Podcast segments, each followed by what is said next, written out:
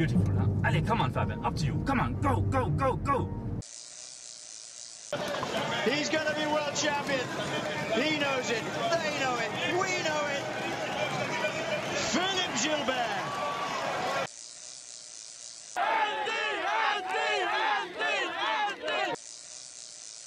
A brilliant win for Alberto Contador, and he's now race leader. Count him home, scream him on. We're doing so. Ah, he takes it. Joy for cycling fans globally. What an effort that was. This is a big, risky move by Andy Schleck, but he's got to take this move. Fabian Fabulous Cancellara. Froome crosses the line, a tremendous show of strength. Andre Greipel is proving he's got the power here this afternoon.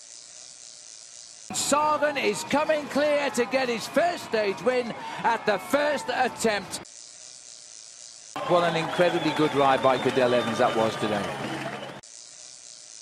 Mark Cavendish gets four out of four wins in the last four years in Paris.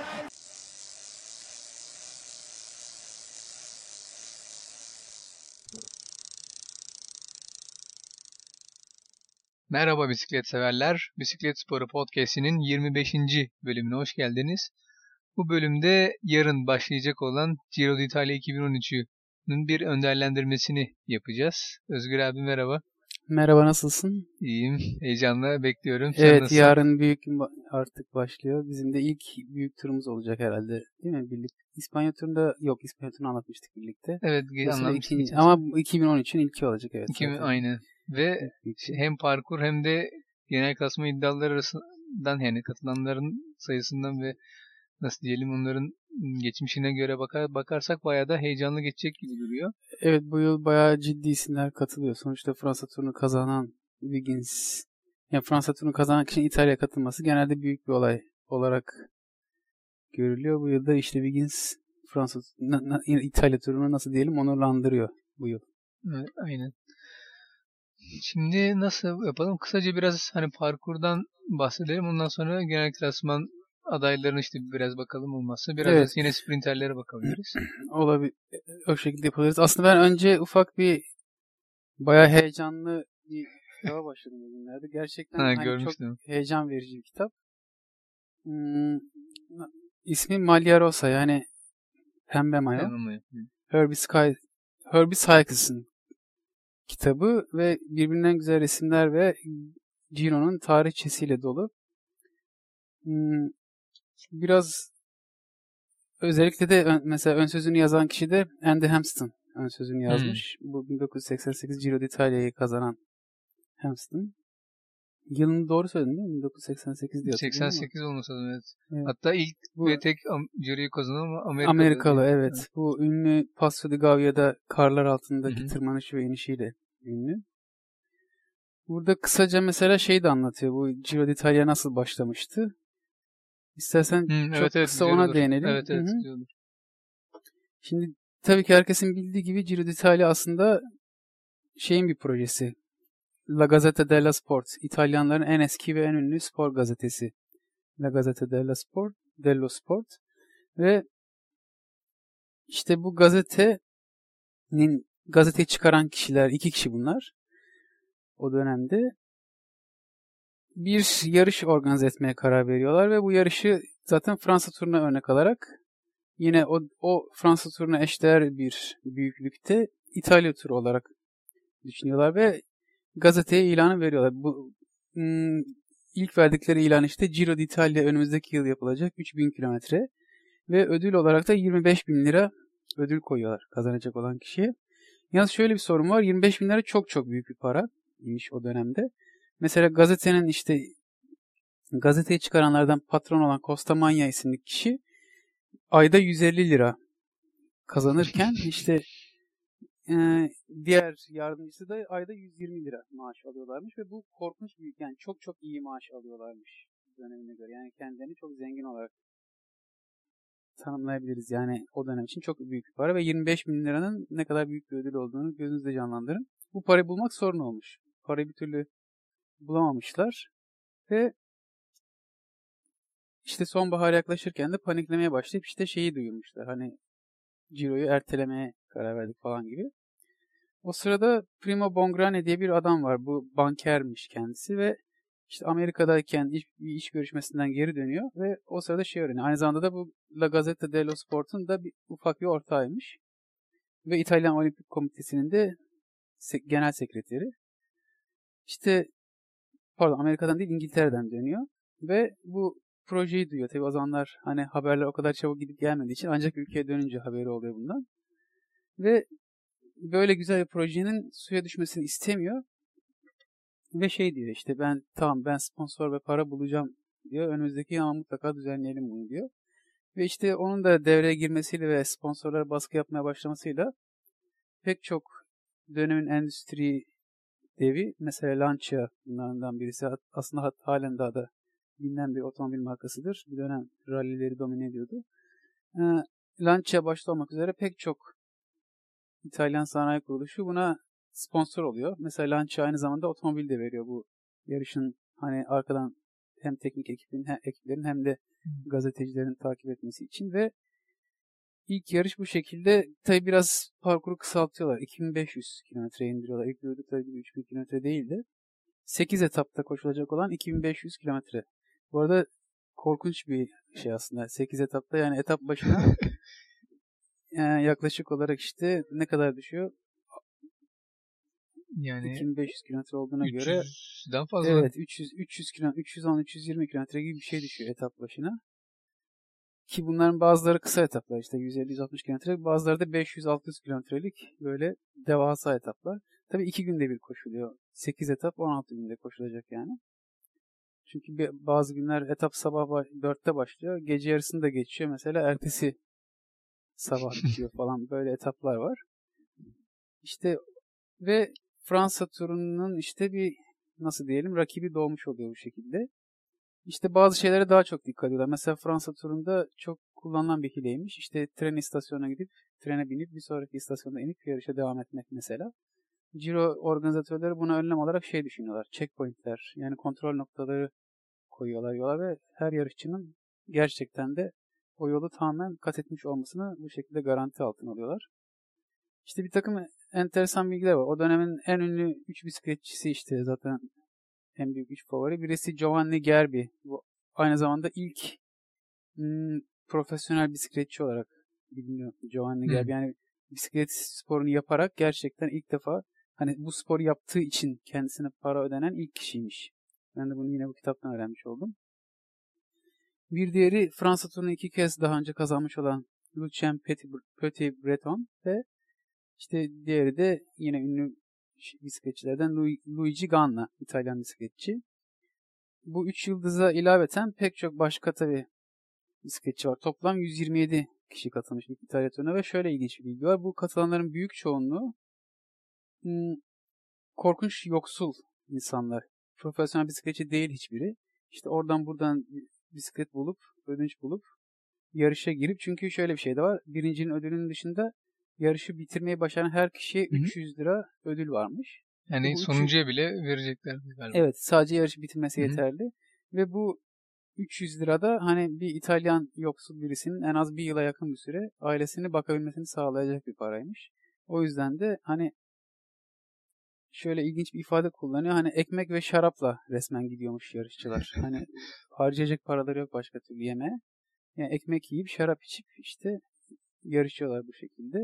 Çoğunun bisikletleri işte eski püskü, kırık dökük ve çok aşırı derecede ağır. Yollar zaten çamur ve toz içinde. Hani yağmur yağarsa çamur, yağmazsa toz. Hiçbir asfalt değil falan. Yani büyük çoğunluğu asfalt değil. Ve o şekilde ilk Giro d'Italia organize edilip koşuluyor ve bunu da Luigi Ganna kazanıyor. İlk Giro d'Italia'yı. Böyle ilginç bir bilgi nasıl diyeyim ilginç bilgiler sunan çok heyecanlı bir kitap. Henüz ben de yeni başladım. Heyecanla okuyorum. Sadece ilk İtalya turunun hikayesini böylece okumuş oldum ve sizinle de paylaştım. Şey kitap nereye kadar kapsıyor abi? Hani en başından başlıyor Ciro'yu Aslında en sonuna bakmadım. Bir bakayım. Ha, Şu an elimde kitap çünkü.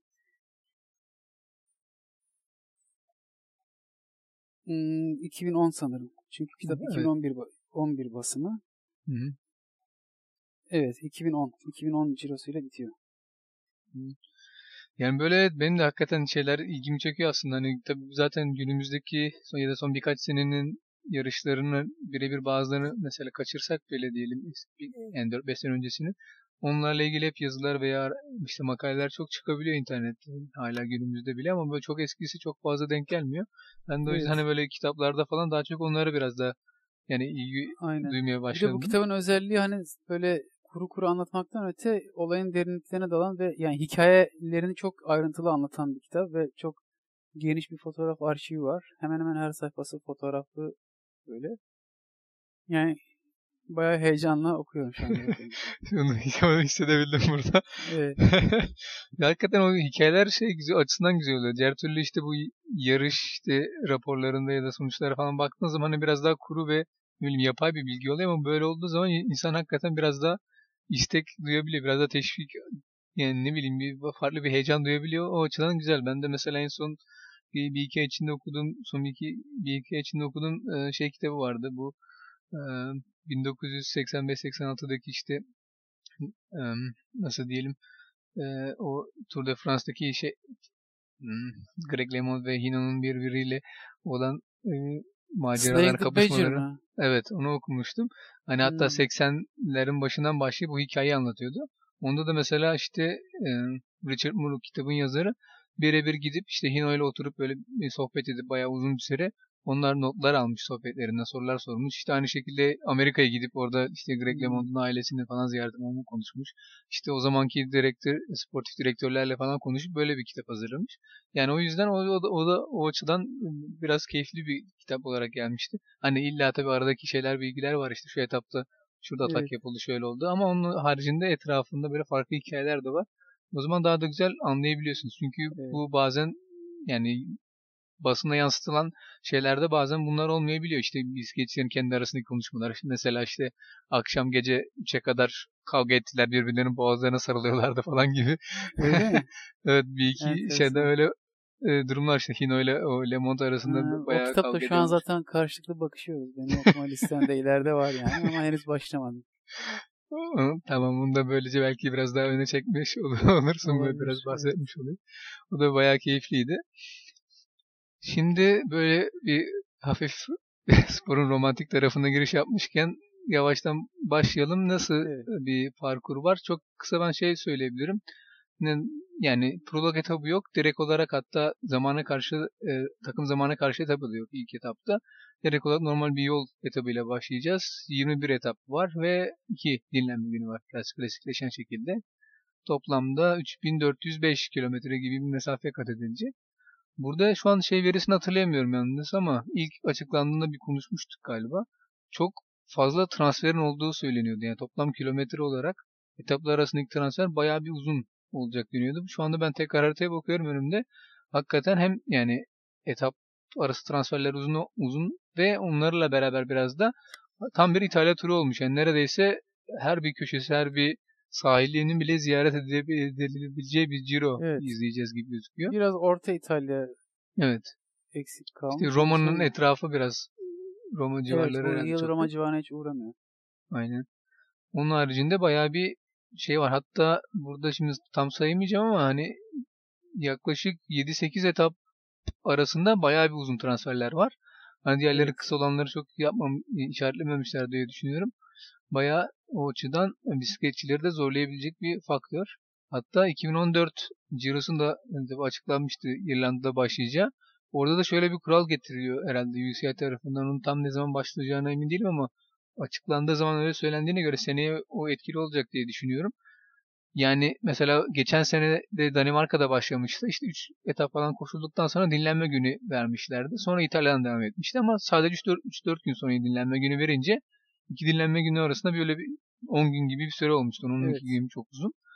Onu UCI engellemek için ilk haftada sanırım e, dinlenme günü yani verilmesini yasaklamış.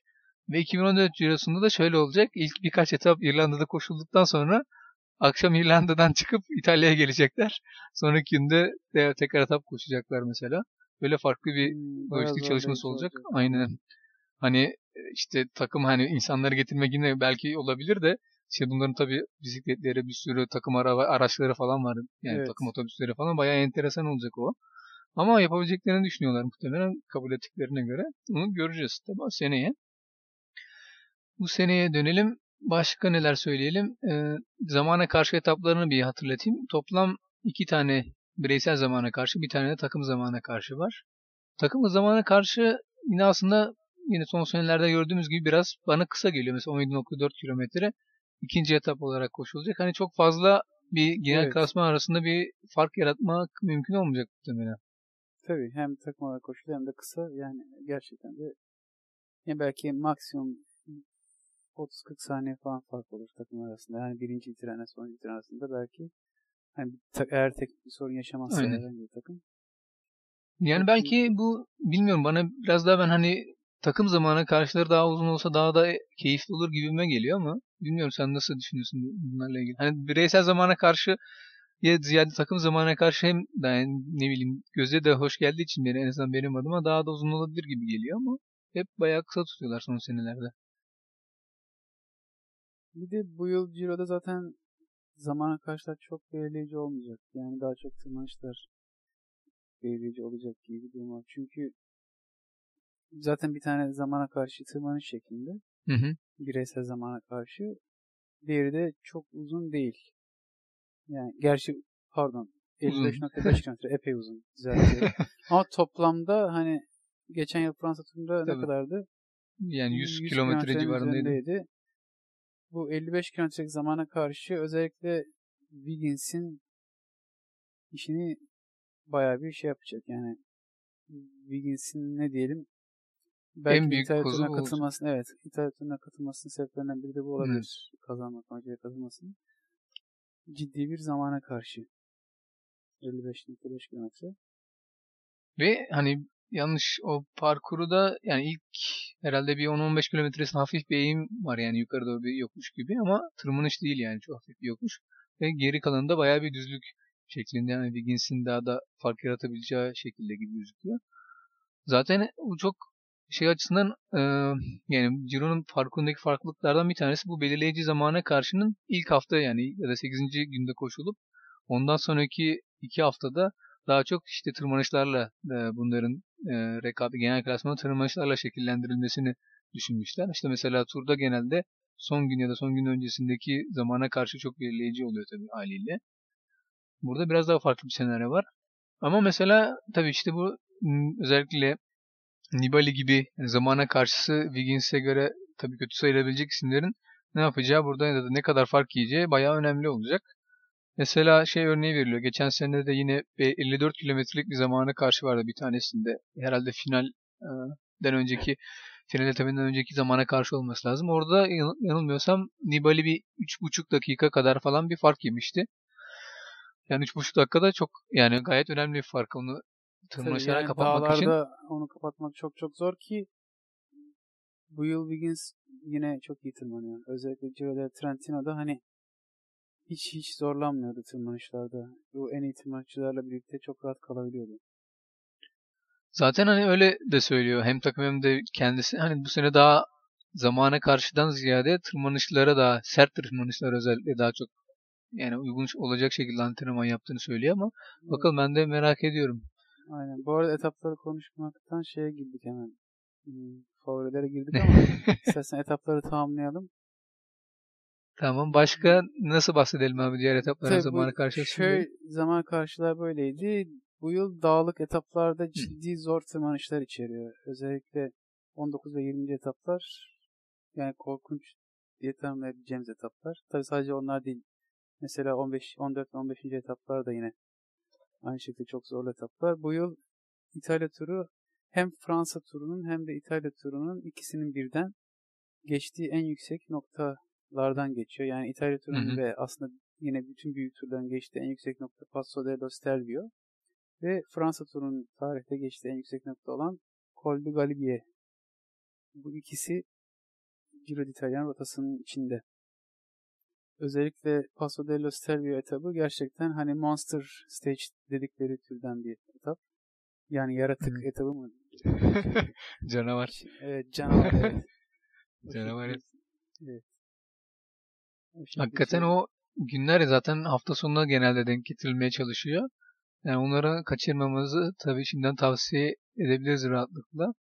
Hani bayağı aslında bazıları işte Galibiye niye ziyaret ediyor? Giro aslında Fransa turunun bir tırmanışını niye ziyaret etme gereği hissediyor gibi bir şey söyleyenler de vardı ama hani çok da şey değil aslında bence. Bir de yani- tarihte ilk kez oluyor. Evet. Yani ilk kez İtalya turu Galibiye'ye gidiyor. Aynen. O etap da hatta e, bugün okuyordum sanırım. O da e, 2011'deki zaten o Fransa turunda bir kere finish görüldü Galibiye'de. O da An- Andy Schlein kazandığı 2011'deki o inanılmaz atak yaptığı etaptı. Orada da sadece Fransa'da yani Fransa turu anlamında bir kere Galibiye'de finish görülmüş yani bu kadar yükseklikte. 2011 şimdi de Ciro'da finish görülecek. O açıdan da bir e, farklı bir anekdot olarak gözüküyor. Bir de Schlein kazandığı zaman sanırım daha kolay olarak gözüken tarafından tırmanmış Galibiye. Bu Evet. sene ise Ciro'da ise Col de Telegraph yani e, Galibiye'nin daha dik eğimli olan tarafından çıkılacak galiba. Evet. Böyle bir fark var. Galibiye bu arada 15. etapta. Yani aslında en ciddi tırmanış etapları 14, 15, 19 ve 20. etaplar. Evet. Ha bir de 10. etap var. 10, 14, 15, 19 ve 20. etaplar. Şey zirve finişi, dağ finişi olarak bitiyor ve dağlık etap, yüksek high mountain olarak geçen ciddi zorlayıcı etaplar. Ama Tabii tabii yani en çok en 19 ve 20. etaplar artık dananın kuyruğunun kopacağı etaplar zaten. Hem sonda olmaları sebebiyle. aynen. hem Ve de- e, sanırım bu şeyde de normalde Fransa turu iki tırmanış etabından sonra ya bir dinlenme e, günü koyuyor genelde ya da çok düz bir etapla hani bisikletçileri genelde genel klasman iddialarını biraz dinlendiriyor. Burada mesela şöyle oluyor. İşte 18. etapta tırmanış zamana karşı var ki ne Evet. zamana karşı olduğu için yine mecburen %100'ünü vermek zorunda genel klasman iddiaları. Kaybetmemek için, zaman kaybetmemek adına. Ondan sonraki gün işte Paso di Gavia, Paso dell'Estelve ve Martarello tırmanışları, Martello tırmanışlarıyla neredeyse bütün gün tırmanışta geçiyor. Ve sonraki günde de işte onların daha çok Queen Stage olarak değerlendirdikleri, kırılıcı etap olarak değerlendirdikleri işte Terecimeli di Lavaredo ile finish görecek Evet.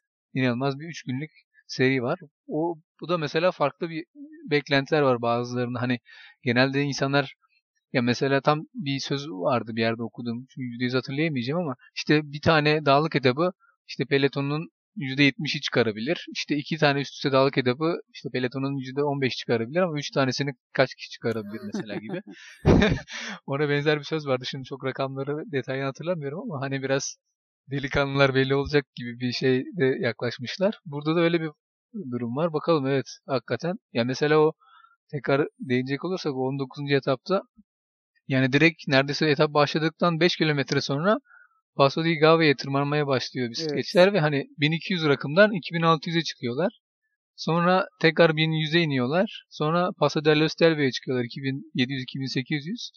Sonra tekrar 600'e iniyorlar. Bu sefer de 2000 Martello'yu Martello tırmanıp yani Yani 18, 19, 20'den sağ çıkabilen tur kazanır gibi bir durumda var aslında. Hani o derece zor etaplar. Aynen. Bakalım. Şimdi evet parkur böyle bir de şey söyleyelim masa parkuruyla ilgili. İlk etap genelde işte kısaca değinmiştik zamana karşı olarak seçiyordu Ciro'da. 2003'ten beri sanırım ilk defa bir yol etabı koyuldu. Bu ilk etap olarak. Ve hani oldukça düz ve neredeyse toplu sprint finish'in olması %100 gibi bir ihtimal olacak. Özellikle ilk gün olmasından dolayı ve sprinterlerin bu yani pembe moyu ele geçirme ihtimali çok olmadığından ötürü bunu kesin bırakmayacaklardır herhalde diyebiliriz. O ilk etaptan böyle bir e, farklı bir faktör var. İlk etap bir de kriteryum şeklinde koşulacak. Evet, iki Yani- sanırım loop belirlemişler. İlk önce bir Evet. tırmanışlı bir kısım var. 3-4 kere çıkılıyor. Sonra da daha düz bir e, alanda dönecekler galiba. Burada evet tabii sprinterler özellikle işte pembe moyoyu giymeyi aynen. çok hazırlanmış olduğunu tahmin Klasiği edebiliriz. açısından da korkutucu. Genel klasman adaylar açısından korkutucu. Çünkü daha hani turlar ilk başlarken böyle biraz peloton agresiftir. Herkes Agre- henüz çok böyle Evet. enerjik. Herkesin işte formu zirvede ve bir de hemen ilk direkt böyle bir tur atılan şeklinde hani normal yol etabı da değil. Tur, tur, yani tur bazlı bir etap olduğundan ciddi tempo olabilir ve ciddi kazalar umarım yaşanmaz ama hani genel klasman adaylar için çok ciddi zorlayıcı bir etap olacaktır. Evet tahmin yani normalde zaman farkı o çok yaratılmayacağından ötürü hani çok öne yani çok dikkat edilmiyor bazen ama hani geçen sene falan turda özellikle hatırlıyoruz. Sırf bunun için domestik seçimlerinde ba- takımlar genel klasman yani adaylarını desteklemek adına düz yol, domestik ya da işte finişte yaklaşırken koruyabilecek domestikler de koyuyorlar takımlarına. Mesela işte hep şey aklıma geliyor benim öyle deyince. Geçen sene bir sprint finishine doğru gittilerken ilk haftada yani turda m, yani son 2-3 kilometre peloton önünde Hinkapi arkasında Cadel Evans vardı. Evet evet. Amacı yani tabii ki sprinte katılmak değil sadece aynen. güvenle kalmak bu kadar yani. Aynen, önde kalıp güvende olmak. O nedenle hani illa bir domestikleri çok önemli oluyor işte bu yüzden genel kasma indiaların illa hani dağlarda ya tırmanışlarda çok güçlü olması belirleyici olduğundan değil. Bunlar da bu düz yolda da korumaları çok önemli ilk hafta özellikle. Burada da evet böyle bir parkur var. 2013'te e, pardon 2003'te de sanırım bunu e, An- Alessandro Petacchi kazanmış ve o zaman pembe mayoyu giymiş herhalde. İşte ondan sonra hep zamana karşı etaplarıyla başlıyor. Bu sene de tabii Cavendish ta ilk etap açıklandığından beri, parkur açıklandığından beri tabii söylüyordu haliyle. Bakalım tabii onun yanında e, Evet. Cavendish daha ilk kez pembe mayoya giyme şansını elde edebilir. Ki büyük bir ihtimal. Evet yani bir de şey olduğunu düşünürsek yani %100 sprint finişiyle olabilecek etap sayısı hakikaten çok az aslında. Çünkü illa bir son 30 kilometre, son böyle 5 kilometrede bir 2 kilometrelik Evet. bile olsa tırmanışlar var ve bunlar da pele, yani az pür dediğimiz saf sprinterleri dökmeye yetebiliyor. İşte mesela Tabii. Kittel'i falan görmüştük Türkiye turunda bile. De puncher'lara yönelik de bayağı hı. bir etap var. Yani etap düz gidiyor ama tam sonunda bir ufak bir tırmanış var işte. Birkaç yüz metrelik ya da birkaç bir iki kilometrelik.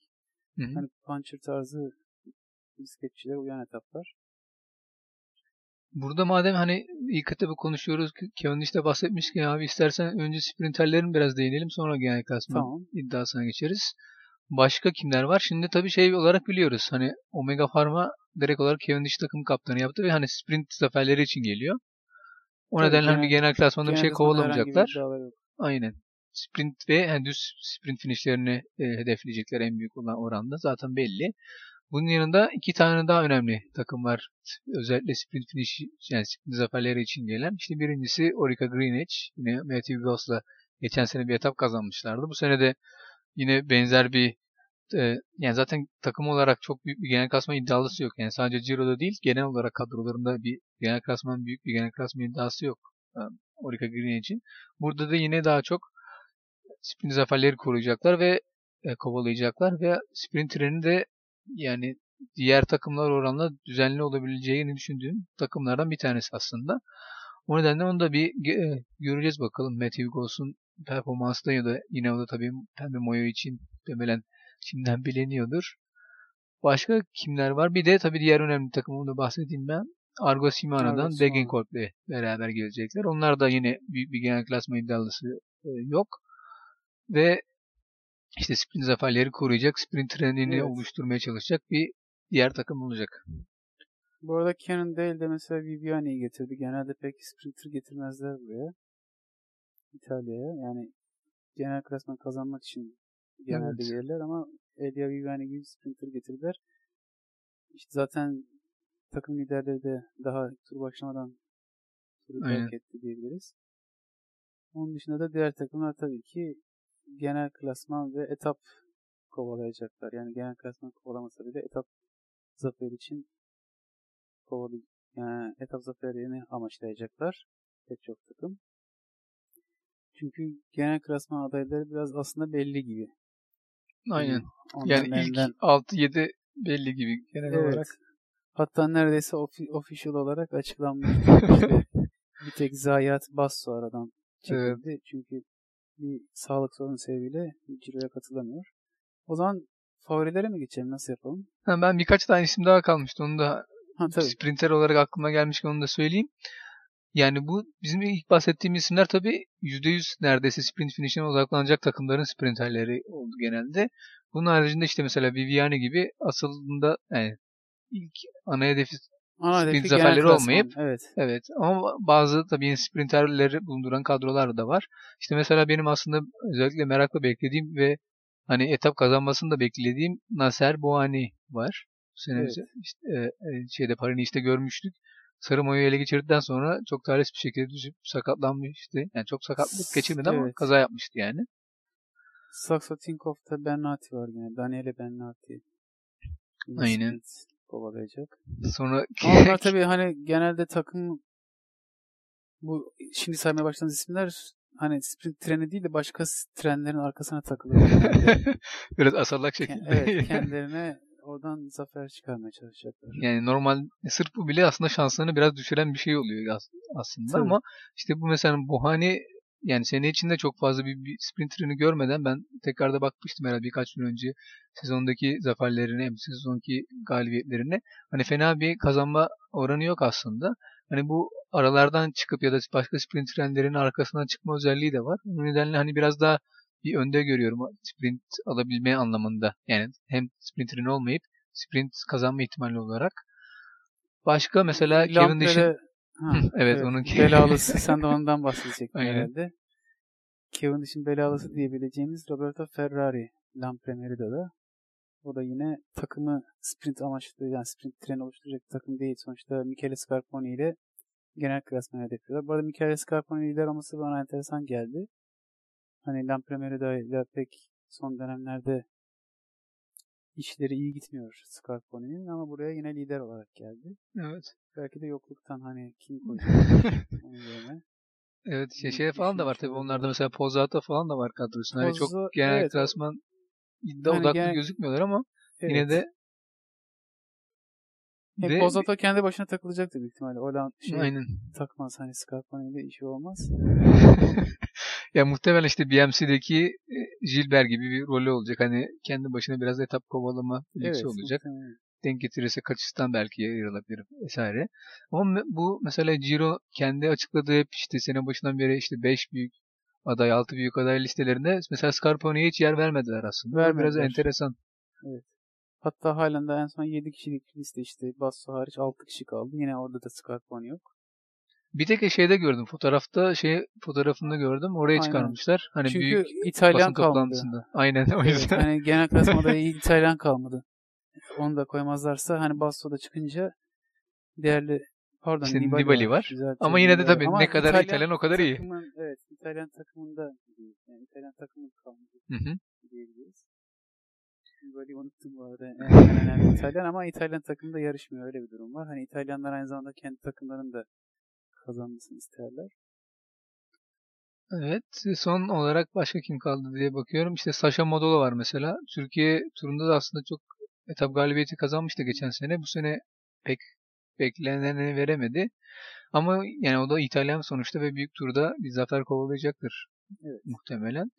Bir de yine diğer bir İtalyan genç isim radio şekli Giacomo Nizzolo var. O da çok aslında büyük bir profilde etap kazanmışlığı şu ana kadar çok fazla yok ama özellikle bu son sanırım son geçen hafta, 10. haftaki e, turda da bir e, fena bir performans sergilememişti. Ben çok direkt izlemesem de hani sonuçlardan takip etmiştim biraz. Yeni aslında radyo şekli Danilo Honda da var. O da Hmm. sprinter. Hatta bir zamanlar önemli sprinterlarından. Şimdi biraz tabii 74 doğumlu çok genç sayılmaz. Ama o da yine sprinter. Ve yine hani fırsatını bulursa bir şeyler yapmaya çalışacaktır. Evet. Son olarak da diğer bir İtalyan Farnese Vini'den Francesco Chicchi var. O da yine Türkiye'de aslında galibiyet bekliyordu. Geçen hafta buradaydı ama bir başarıya ulaşamadı. Etap galibiyetine ulaşamadı ama tabii büyük turda o da muhtemelen hedefleri arasında yer alıyor. Sprinterleri herhalde böyle özetleyebiliriz. Şimdi asıl bizim daha çok da bir merakla beklenecek genel klasman iddialarına gelelim. Tabii ki herkesin en öne çıkardığı iki isim var. Yani Nibali ve Wiggins. Zaten bu ikisi arasında büyük mücadele bekleniyor. Ee, Wiggins herkes biliyor gerçi de Team Sky'da. Nibali de Astana. Vincenzo Nibali Astana takımında. Bu ikisi gerçekten bu yıl çok formda. Nibali hem Giro del Trentino'yu hem de Tirreno Adriatico'yu kazandı yıl. Ve ikisini de hani iyi bir şekilde kazandı. Gayet de formda göründü.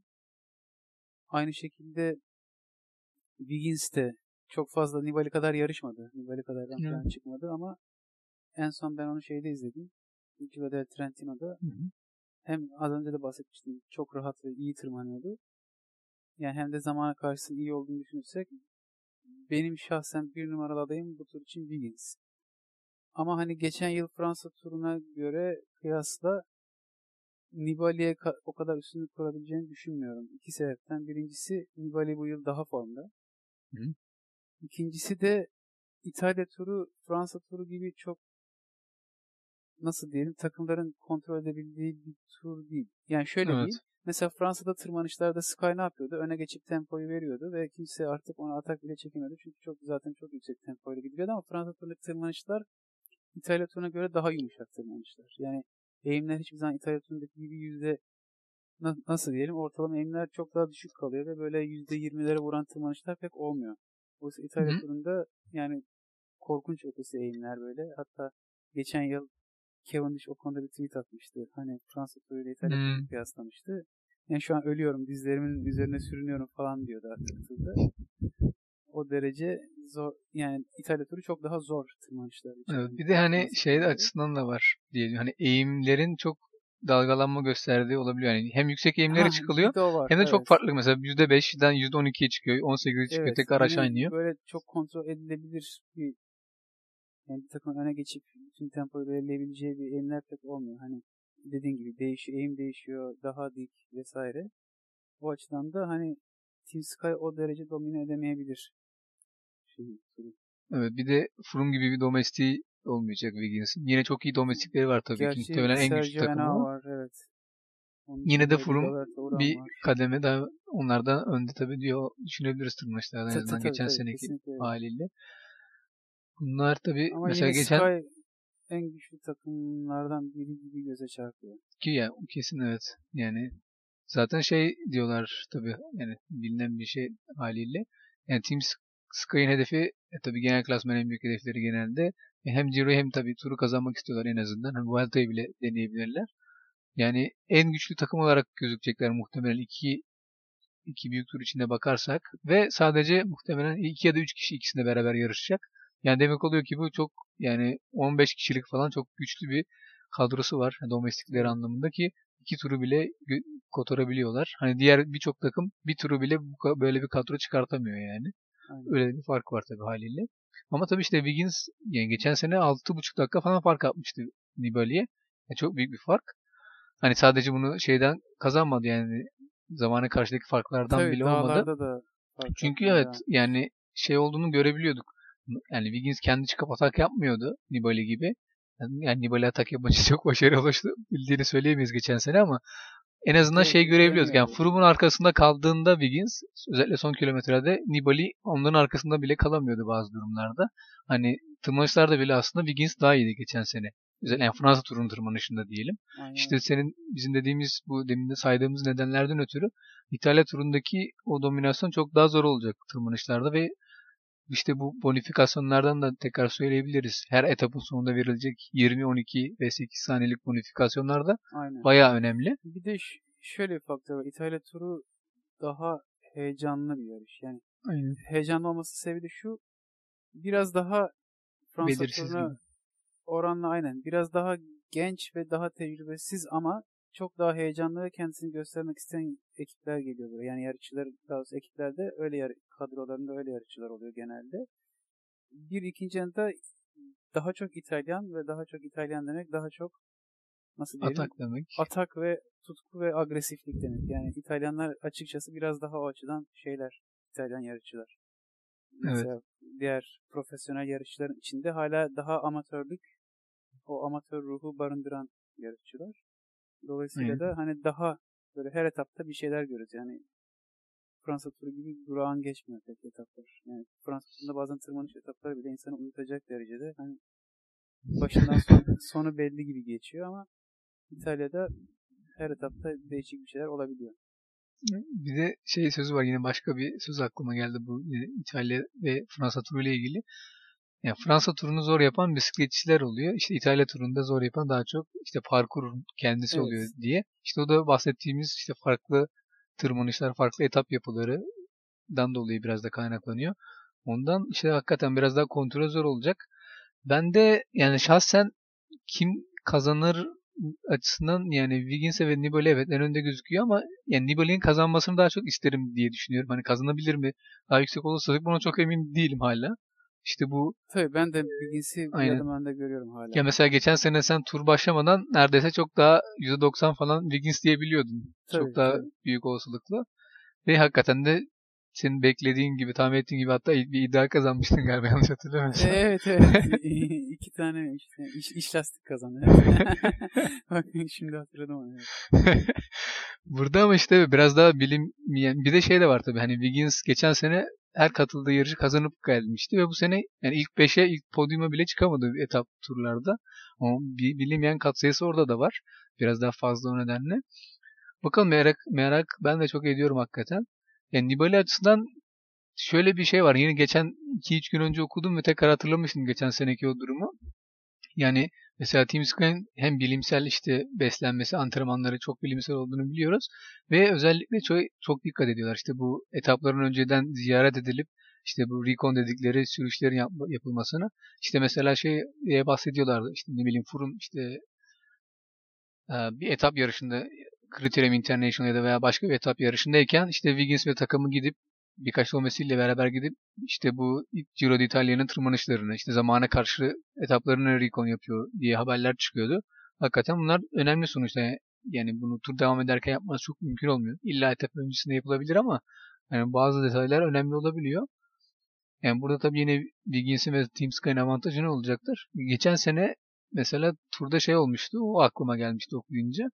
Ve hani Nibali'nin tam tersine hiç neredeyse Rikon yapmadı. Ki tabii şey geçen sene Milki Gas'tayken bu sene Astana'da belki biraz daha düzene girilmiş olabilir diyorlardı ama bu iki ilk zamana karşı için geçen seneki turunda yani zamana karşıdan 2-3 gün önceye kadar Nibali onu bir takım zamana karşı zannediyormuş. Öyle mi? Evet. İnanılmaz bir şey. Yani nasıl bir tepki vereceğimi bilememiştim önce geçen sene o şey okuyunca bu sene tekrar görünce hakka hatırladım. Hani şey bir falan değil hani böyle ve yanılmıyorsam bir e, muhabir birisi sorduğu zaman öğre- öğreniyor. Yani çok da trajik bir şekilde hani takım içinde kendisi için de korkunç bir şey. evet çok kötü. Yani hem Recon yapmasan o anlaşılır bir şey ama hani zamana karşı takım zamana karşı zannediyor. Zannediyormuş. Hani böyle bir nasıl bileyim böyle bir falso nasıl olabilir? Bir genel klasman iddialısı için Bir de Fransa turuna gidiyorsun yani. Yani bi- bizlere bile sorsan en azından söylerdik sana Evet, hangi evet. etapı zamana karşı hangisi bireysel hangisi ne bileyim bilmem ne biz bile hani ilgilenmeye çalışıyoruz orada hani çok ne bileyim yani çok şey yapmamış herhalde ve biraz da ş- tabii şey yapmıştı muhtemelen takım zamana karşı olduğunu düşünerekten daha az vakit kaybedeceğini düşünmüş tabii bireysel zamana karşı olduğunu öğrenince biraz da hayal kırıklığına uğramıştı ama yani böyle bir şey yaşanmıştı geçen sene. Bu sene de hani öyle olmuş mudur acaba? Çünkü çok bir bilgi gelmedi benim gördüğüm kadarıyla Nibali'nin yaptığı rekonlarla ilgili. Bakalım ne, ondan da bir faktör olabilir. Yani çok büyük tabii illa bu sırf bu birkaç dakika neden olacak, farkı neden olacak diye bir şey değil ama hani bisikletçilerin ne kadar profesyonel yaklaştığını, ne kadar dikkatli detayları incelediğinin bir göstergesi. Hani Nibali'nin bu biraz İtalyan vari tarzı biraz enteresan da geçen sene. Bakalım bu sene nasıl olacak o açıdan ben de görmek istiyorum. Başka Evet, kimler var? benim Heh. üçüncü favori olarak gördüğüm Evet. Hecedal, Hecedal var. Ve Hecedal'da aslında Ni- Wiggins ve Nibali'ye göre çok çok geride görmüyorum. Yani o da kazanabilir diye düşünüyorum. Çünkü o da çok dayanıklı bir yarışçı. Mesela geçen yıl ben dahil pek çok kişi son hafta çökecek diye beklerken Hatta Rodriguez'in kendisi de dahil olmak üzere. Aynen evet. Her, herkes şaşırtarak ve son günde işte zamana karşı kazanıp Giro'da da İtalya'yı kazanmıştı. Bu yılda yine benzer performans sergileyebilir diye düşünüyorum. Çünkü yani çok atak yapan bir tırmanışçı değil. Aslında Wiggins de öyle değil. Bir tek Nibali hani bu üçlünün içinde daha çok atak yapıyor. Her ne kadar genelde sonunu getiremese de.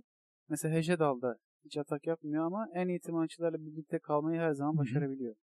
O açıdan da öyle bir avantaj var ve zamana karşı da iyi. Hani Wiggins kadar iyi değil kesinlikle Evet. ama hani Nibali'den çok, iyi. Çok, evet Nibali'den iyi. Ve çok büyük farkta yiyemeyebilir Wiggins'ten. Tabii o günkü performansa göre çok değişir de. O yüzden Hecedalı da önemli bir aday olarak görüyorum. Yalnız bu yıl ufak bir dezavantajı şey olabilir. Hani geçen yıl çok önemsenmeyen bir isimdi. Aradan sıyrıldı. Bu yıl biraz tabii ona daha dikkat edecekler. Ama geçen yılda hani önemsenmeyen bir isim olmasına rağmen öyle atak yapıp da kazanmadı. Hani öyle bir sürpriz şapkadan çıkma durumu yok. Sadece çok iyi savunma yaptı diyebiliriz. Yani hiçbir zaman fark yemedi. Hep en iyilerle kaldı. Ve zamana karşısı da bu şeyler içinde en iyisi olan kişi oydu zaten. Hani zaten Rodriguez de artık teke tek kalmıştı. Rodriguez'den de zamana karşı almasını zaten herkes bekliyordu. O açıdan yani geçen yıl tek yaptığı iyi yap. Onu da çok iyi yaptı. Tırmanışçılardan fark yemedi. Önemli tırmanış etaplarında. Ve onlarla birlikte en azından onlarla birlikte tutunmayı başardı ve bu yılda benzer bir şey izleyebiliriz ondan. Ama bu yıl ona şey yetmeyecek. Hani en iyilerle kalması yetmeyecek. Biraz daha atak yapması gerekiyor. Çünkü bu yıl Wiggins var. Bu sonuçta Evet. her şeyi etkileyen bir faktör özellikle zamanı karşısıyla. Yani Hecedal Wiggins'le başa baş kalırsa tırmanışlarda zamana karşı da Wiggins onu geçecek. Bu çok net. O yüzden Hecedal'ın da bir şeyler yapması gerekiyor. Hani öyle bir dezavantajı var. Onun dışında da en önemli üç adaydan biri olarak görüyorum. Dördüncü adayımda aslında yani şu anki form durumundan ilgili çok fazla şeyim yok. Hani çok fazla yarışlara da katılmadım ama tahmin ettim kim kastettim. Kader Evans Benim dördüncü adayım ve genelde de zaten öyle görülüyor. Kader, aslında Ev- Evans'a uyan bir şey profil var Ciro'nun çünkü bu şimdiye kadar saydığımız adaylar da dahil ve Ciro'daki bütün yarışçılar içerisinde en iyi puncher Kadir Evans. Yani Hı. o puncherle bir de bu yıl etap sonundaki bonusları düşünürsek zaman bonuslarını yani Kadir Evans o etapları kazanabilecek yarışçı. Hani bu kısa ve sert yokuşlarla biten etapları hiçbiri Evans'tan alamaz. Eğer formundaysa yani çok aşırı formsuzluk yoksa hani uzun tırmanışlarda belki değerleri kadar iyi çıkaramayabilir ama puncherlara yönelik olan o kısa ve sert tırmanışla biten etapları genel klasman adayları için konuşuyorum. Evans'tan daha iyi çıkabilecek olan kimse yok. Dolayısıyla öyle bir avantajı var. Artı tırmanışlarda da hani çok formsuz değilse yine bu isimlerle birlikte kalabilecektir diye düşünüyorum. Zamana karşı da çok iyi. Yani Wiggins'ten sonraki en iyi zamana karşıcı burada o. Evet.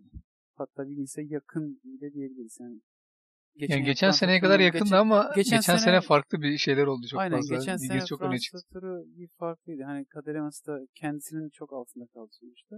Normalde çok iyi zamana karşıcı öyle söyleyeyim. Dolayısıyla onun da avantajı işte dediğim gibi bir yönelik etapları çok iyi çıkarabilmesi. Tırmanışlarda yine en iyi isimlerle birlikte tırmanabilir. Hatta eğer günündeyse onlardan daha da iyi olabilir. Ama günde değilse tabii o kadar da şey değil. Artı zamana karşısı iyi. Dolayısıyla da bu dört isimden birinin ben kazanmasını bekliyorum. Ama dediğim gibi Wiggins hala bir adım önde. Burada ben de şöyle bir nasıl diyeyim değerlendirme görmüştüm. Bir okudum işte farklı farklı tabii herkes bir değerlendirmesini yapıyor, ön değerlendirmesini yapıyor bayağı bir yabancı sitede. Bir tanesinde mesela şöyle bir e, değerlendirme yapmış bu genel klasman iddiaları arasında. Hatta arkadaş böyle kendine göre ilk genel klasman ilk 20'sini bile sıralamış. Yani o kadar detaylı bir değerlendirme yapmış yani kendi tabii kendi kriterlerine göre. Burada mesela şöyle diyordu. Biraz da orada aslında haklı gelebilir gibi diye düşündüm. İşte Evans mesela ilk 20'ye koymamış genel klasmanda. 20'ye. Evet. Ama nedeni şu. Yani bana göre yani o da öyle yazmış. Yani onun dilinden konuşuyor olayım. İşte bana göre Kadel'in turu kazanma şansı çok yok ama kendine göre hala bir şans, önemli bir şansı olduğunu düşünüyor. İşte bu nedenle Ciro'yu daha çok form tutma amaçlı kullanıp asıl hedefi yine bu, Ha, bu anladım. seneki turu. turuna Aynen. Bu seneki tur, yani Gerçi- tur derken onu demek istedim. Onu hedefleyecek gibi. İki kişi hem Ciro hem turu kazanmayı hedefleden çıkıyor. Bunlardan biri Wiggins, biri de. Kader Evans. Yani Kader Evans da aslında buraya kazanmak için geldiğini açıkladı. Bilmiyorum bana da tam tersi gibi geliyor. Hani Fransa turunu kazanamayacağını zaten o da az çok kestiriyordur. Hani İtalya turunu kazanabilirsem kazanayım. Olmazsa bakarız diye düşünüyor. Dur gibi geliyor bana. Bilmiyorum. İşte onu asıl kendine kabul ettiriyor mu onu çok emin olamamış diye bunu yazan yaz, yazar da. Biraz evet hani şey gibi geliyor. Yani Kadel mesela geçen sene bile söylüyordu işte ben hala bu takım lideri benim turda yine ben lider olacağım. Geçen sene bile bu sene için söylüyordu. Hani yine aynı senaryoyu kurmaya çalışıyor gibi geliyor bir yandan da. O nedenle hani o, mesela bu yazarın şey ilk 20'ye girmemesindeki nedeni de şey hani klasik olarak biraz geride kalıp etap zaferi kovalamak. Hani hem etaplardaki tırmanışlarda kendini biraz daha test etmek hem de tabii etap kaçışa yani izin versinler diye genel klasmanda gerilek kalacağı için işte o nedenle hani ilk 20'ye koymamış gibi bir değerlendirmesi vardı ama tabii Ben yani... Cadel Evans'ın şimdiye kadar hiç bu şekilde yarıştığını görmedim.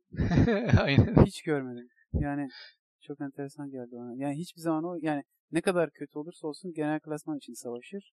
Hani etap nasıl diyelim böyle etap zaman çok de- önemli bir şey değil yani aslında Evet. galibiyet. Zaman kaybedip de etap kovaladığını şimdiye kadar hiç görmedim.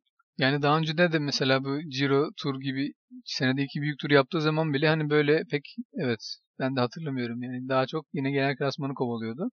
Ama işte nedense öyle bir yaklaşımda bulunmuş işte bu arkadaş. Onun dışında başka ne var diye bir iki isim daha söylemek Onlar gerekirse biraz laf olsun. Ha evet. Devam. Heh. Muhtemelen Samuel Sanchez ve Robert e, Hessing. Mesela, evet.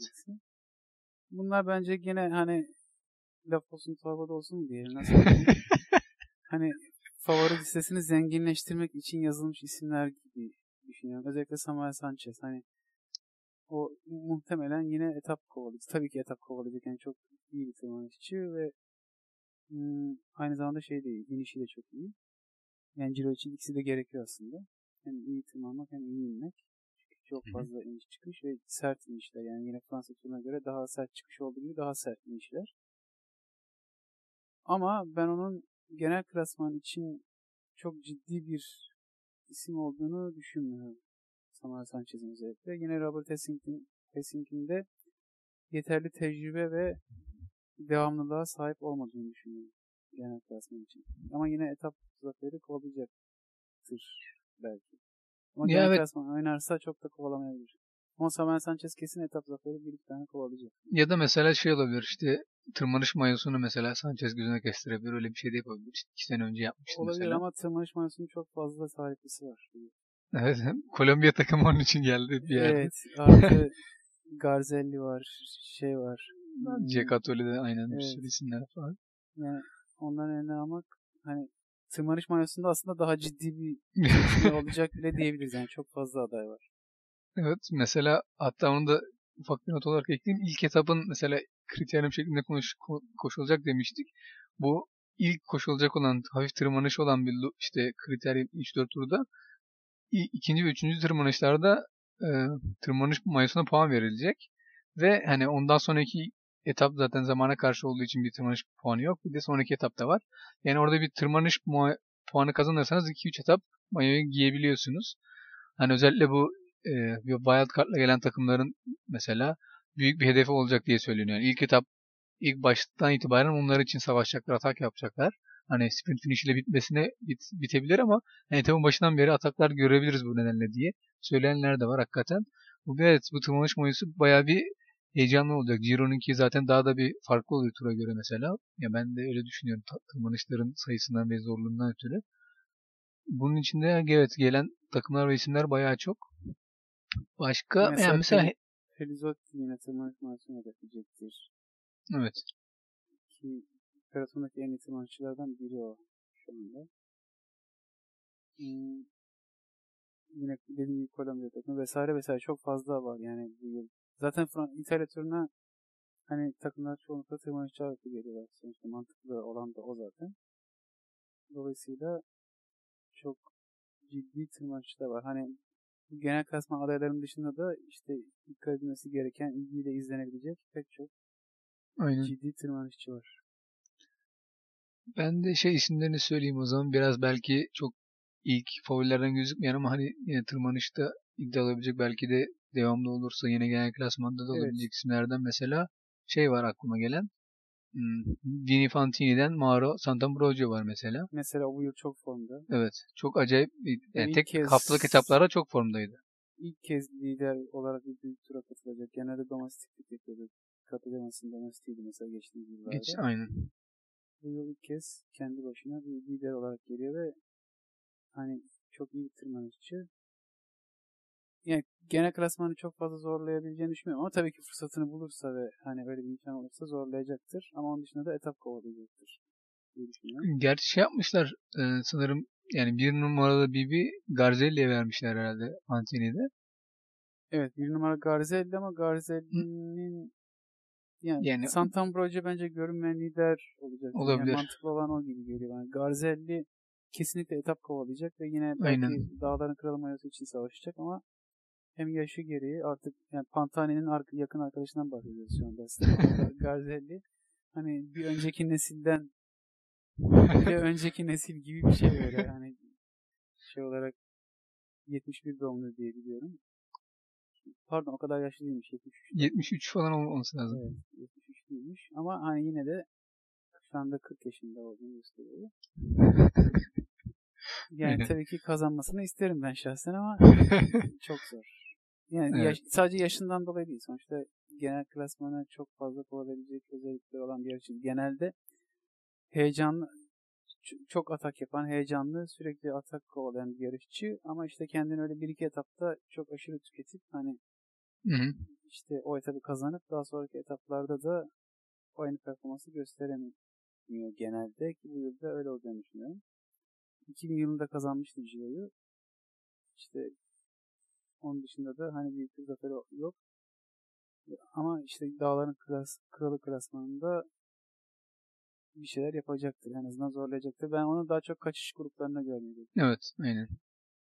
Aynen. Özellikle dağ etaplarında hani zaten her dağ etabında aşağı yukarı bir kaçış grubu oluşacak. Özellikle mayo kovalayanlar tarafından. Kesin. Ciro'nun genel karakteristiği zaten bu. Ve o kaçış gruplarında da işte puanlar için ciddi bir mücadele olacak ve aynı zamanda da etap galibiyetleri için tabii. Hı. Başka bir de şey ismini söyleyeyim ben. Movistar buraya işte birkaç aslında liderle geliyor gibi bir formülü var. İşte bir mesela Capecchi'yi vermişler. iki Evet. Koba var. Ve üçte aslında üç değil mi? Beş numarayı alacak muhtemelen burada ama benim daha yakın gördüğüm genel klasman anlamında. Geçen sene de bayağı iyiydi özellikle. İşte Benyat, Inchausti var. Evet. Onu da mesela ben Inchausti'yi yani ilk ilk onda bitirecek diye düşünüyorum genel klasmanı. Hatta formdaysa çok yani bir iki yarışta görmüştük ama yani çok önlerde yer almamıştı. Yine de formda gibi gelmişti bana. Yani öyle olursa yani ilk 7 5 5'i bile belki zorlayabilir gibi geliyor. Yani genç bir yetenek o da. O da, o da Movistar'da bir merakla bekleyeceğim aslında bu açıdan. Evet. Carpes de yine orada etap zaferi kovalayabilecek bir isim. Vladimir Carpes, Rus tırmanışçı. Onun dışında Scarponi var tabii ki. Scarponi tabii ki genel klasmanı kovalayacak ama benim kafamda soru işaretleri var. Takım ne derece destek verebilecek ona artı hani kendisi ne derece buna odaklanabilecek gibisinden. Gerçi kendisini ispatlamak isteyecektir ve elinden geleni yapmak isteyecektir ama hani son dönemde yaşadığı doping ve Ferrari ile olan ilişkisi diyelim. Doping olarak hani dopingden yakalanmadı ama muhtemelen tabii ki Ferrari ile boşu boşuna ilişki kurmuyorsunuz. Doping yapmak için ilişki kuruyorsunuz. Dolayısıyla da oradan aldığı ceza takımın işte onu önce hmm, askıya alıp sonradan tekrar geri dönmesi vesaire. Hani çok şey işler onun için yolunda gitmiyor. Bana o da çok genel klasmanı zorlayamaz gibi geliyor ama etap zaferi kovalayacaktır diye düşünüyorum. Oradaki asıl önemli belki diğer genç yetenek yine Lampre'deki Niemeç Polonyalı isim. Evet. O da formda aslında mesela sürpriz yapabilecek isimlerden bir tanesi. Yani duruma göre Scarponi'nin liderlik rolünü alabilir ya da etap kovalayabilecek Evet. isimlerden gibi gözüküyor mesela. Bunun dışında, yanında evet, Sandy Kasar var mesela yine. Evet. Şey, şimdi- FTC'den. evet. O da yine kaçış gruplarına özellikle katılıp hani etap galibiyeti kovalayabilecek isimlerden bir tanesi. Çok var aslında böyle hani hemen hemen her isim Aynen. dediğimiz gibi İtalya turunun bir özelliği her etapta ya da bu saydık yine Darwin Atapuma mesela onu hiç saymadık ama Kolombiya takım buraya yine full tırmanışçı bir kadroyla geliyor ve takımın lideri Darwin Atapuma muhtemelen özellikle yüksek dağ etaplarında kendini göstermeye çalışacaktır. Türkiye turunda da izlemiştik onu. Türkiye turunu daha çok antrenman amaçlı görüyordu muhtemelen. Evet.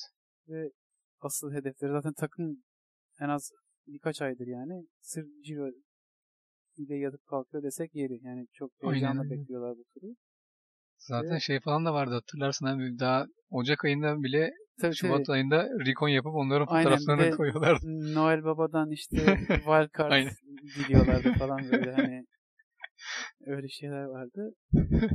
o wildcard'ı da zaten en yüksek oy alan takım oldular diye hatırlıyorum.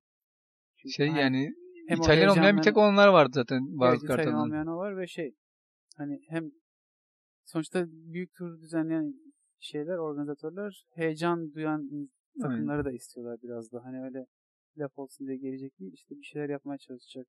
Turun değerini yükseltecek vesaire vesaire. Tabii ekonomik sebepler de bunun içinde. O yüzden de Kolombiya takımını ilgiyle izle, izlemeyi düşünüyoruz. Yani en azından bir şeyler yapacağını, yapacak, Hı hı. yapmaya çalışacaklarını düşünebiliriz. Burada zaten şey de var hani Kolombiya takımı zaten hep Kolombiyalı bisikletçilerden oluşuyor. İşte Evet. mesela işte Betancourt falan var. Yine Ejiotua'da çok yine başarılı olacak muhtemelen. Ha, o da tabii burada başka Kolombiyalı. takımlardaki Kolombiyalı. Aynen. Evet, evet. Onlar da var ve ben şey görmüştüm de yine sayısını hatırlamıyorum onu diyecektim. Yani en çok tabii İtalyan bisikletçi var yarışacak. Ama Kolombiyalı sayısı da en çok yarışan 3. ya da 4. ülke gibi falan olacakmış bu turda. Yani bayağı iyi- güzel bir gelişme aslında onlar adına da. Evet. Yani işte İtalyan, işte Belçikalı ne bileyim e, Hollandalı vesaireden sonra direkt Kolombiya geliyormuş galiba. Hani bayağı da iyi, güzel bir gelişme tabii onlar adına. Zaten Kolombiya geleneksel olarak tırmanışçılarıyla Tırmanış demek. ülke. Dolayısıyla da her, hemen hemen her takımda bir tane ciddi tırmanış, her, her takımda demeyeyim de pek çok takımda bir Kolombiyalı. tırmanışçı görüyoruz evet. Kadroda. Burada evet bayağı isimlere değindik. Bir de farklı bir not olarak şey ekleyelim olmazsa. Bu senede yine 108 numaralı bir yer almayacak yarışta yarış numarası. Onu da artık emekliye edilmişti bildiğiniz Tabii. gibi 2011'deki Wouter Weyland'ın kazasından sonra. Maalesef. O, o nedenle şey olacak aynen ve FTC yani 100'den takımı. başlayacak. FTC 101 yerine 108'e atlayıp 109'a bitirecekler. Bu hanede muhtemelen 100 numarayı giyecek değişik bir anekdot olarak. Onu bir anmış olalım kendisini. Bir de şey verisine denk gelmişti. Onu ben paylaşayım olmazsa. Bu Ciro'da yer alacak bisikletçiler arasında en fazla büyük tur tecrübesi kimde var diye bir sıralama yapmışlar. Ona denk gelmiştim. Yani kariyerinde en fazla büyük tur koşan kimler var bu isimler arasında. Bu rakam toplam 24 büyük tur koşan bir isme ait şu anda. Yarın David Miller alacak diyor. Efendim? David Miller mi? David Miller ikinci 21 ile. İkinci mi? Aa tutturamadım. Kim, hangisi acaba? İkinci Blanco'dan bir isim. Bakayım. Bir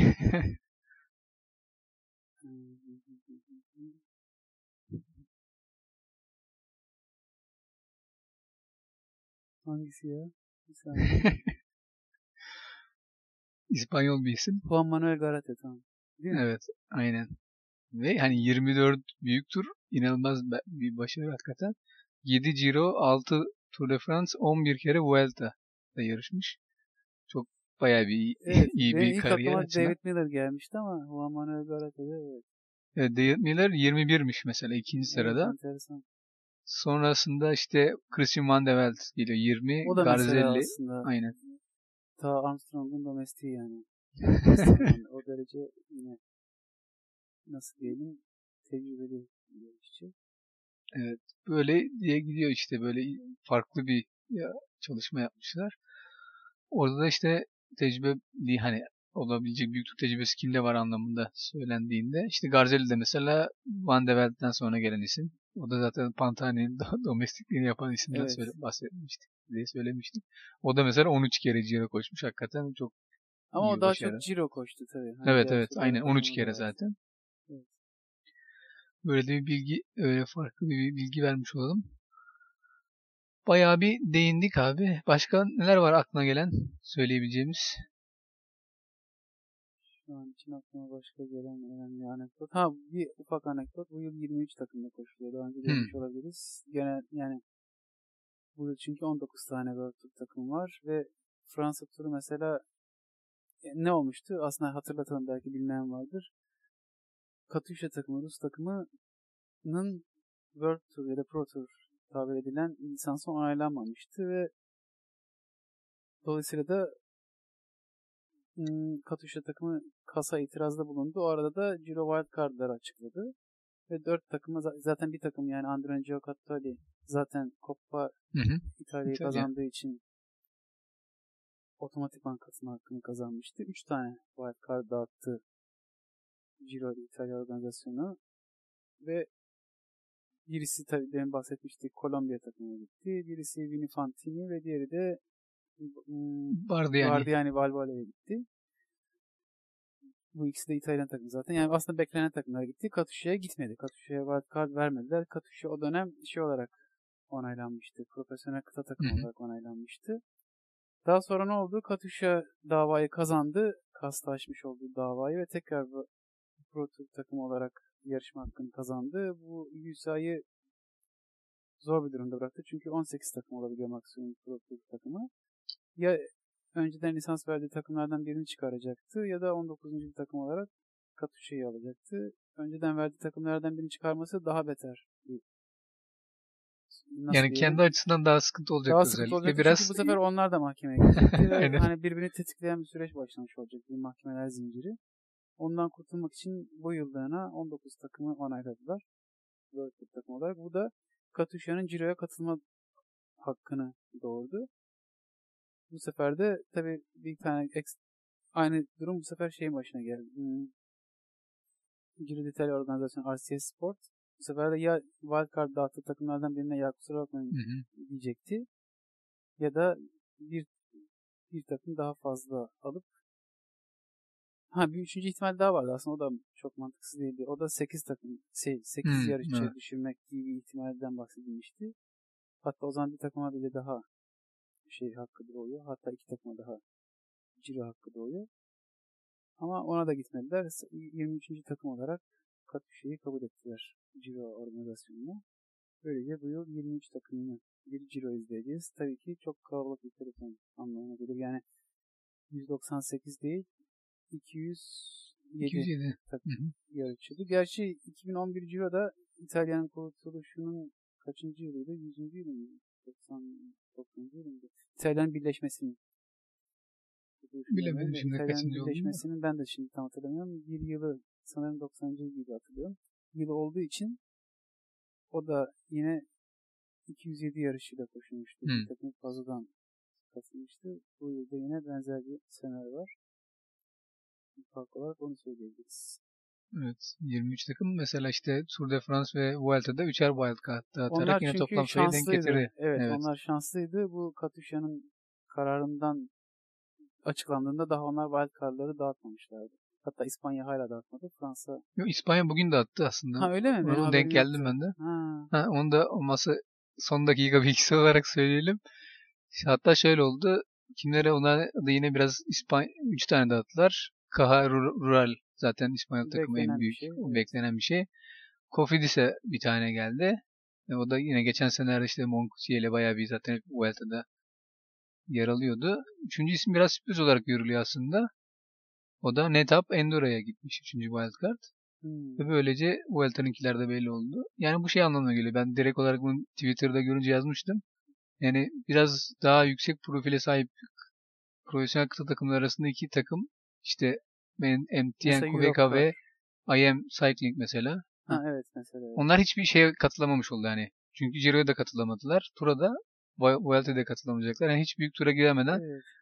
Baya aslında biraz şey e, özellikle IM Cycling adına biraz daha şey kötü bir sene geçmiş oldu. Yani yani bir sürü tabii transfer yaptılar. En azından mesela Kubeka'nın işte Milan Sanremo zaferi falan var ama bu IM Cycling en azından bir taneye katılmak istiyordu özellikle diye biliyorum ama hiç katılamamış oldular.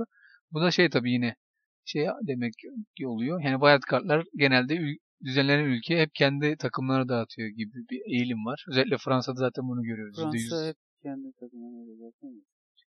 Ondan dolayı işte bu farklı ülkenin takımı olunca biraz bir problem yaşıyor olabiliyorlar. İşte burada bunu görmüş olduk. Onu da bir son dakika bilgisi olarak verelim. Böylece herhalde bitirebiliriz abi. Ne diyorsun? Başka var mı söyleyeceğim bir şey? Başka şu anda yok evet. Evet. Bir, muhtemelen bir sonraki bölümümüze belki çok genel klasman anlamında bir gelişme olmayabilir ama en azından sprinterlerin formu hakkında biraz daha bilgimiz muhtemelen seviye bilgimiz ol, olur diye düşünüyoruz. Onları da bir sonraki bölümde değerlendiririz. Teşekkürler dinlediğiniz için. Bir sonraki bölümde görüşmek üzere. Görüşmek üzere.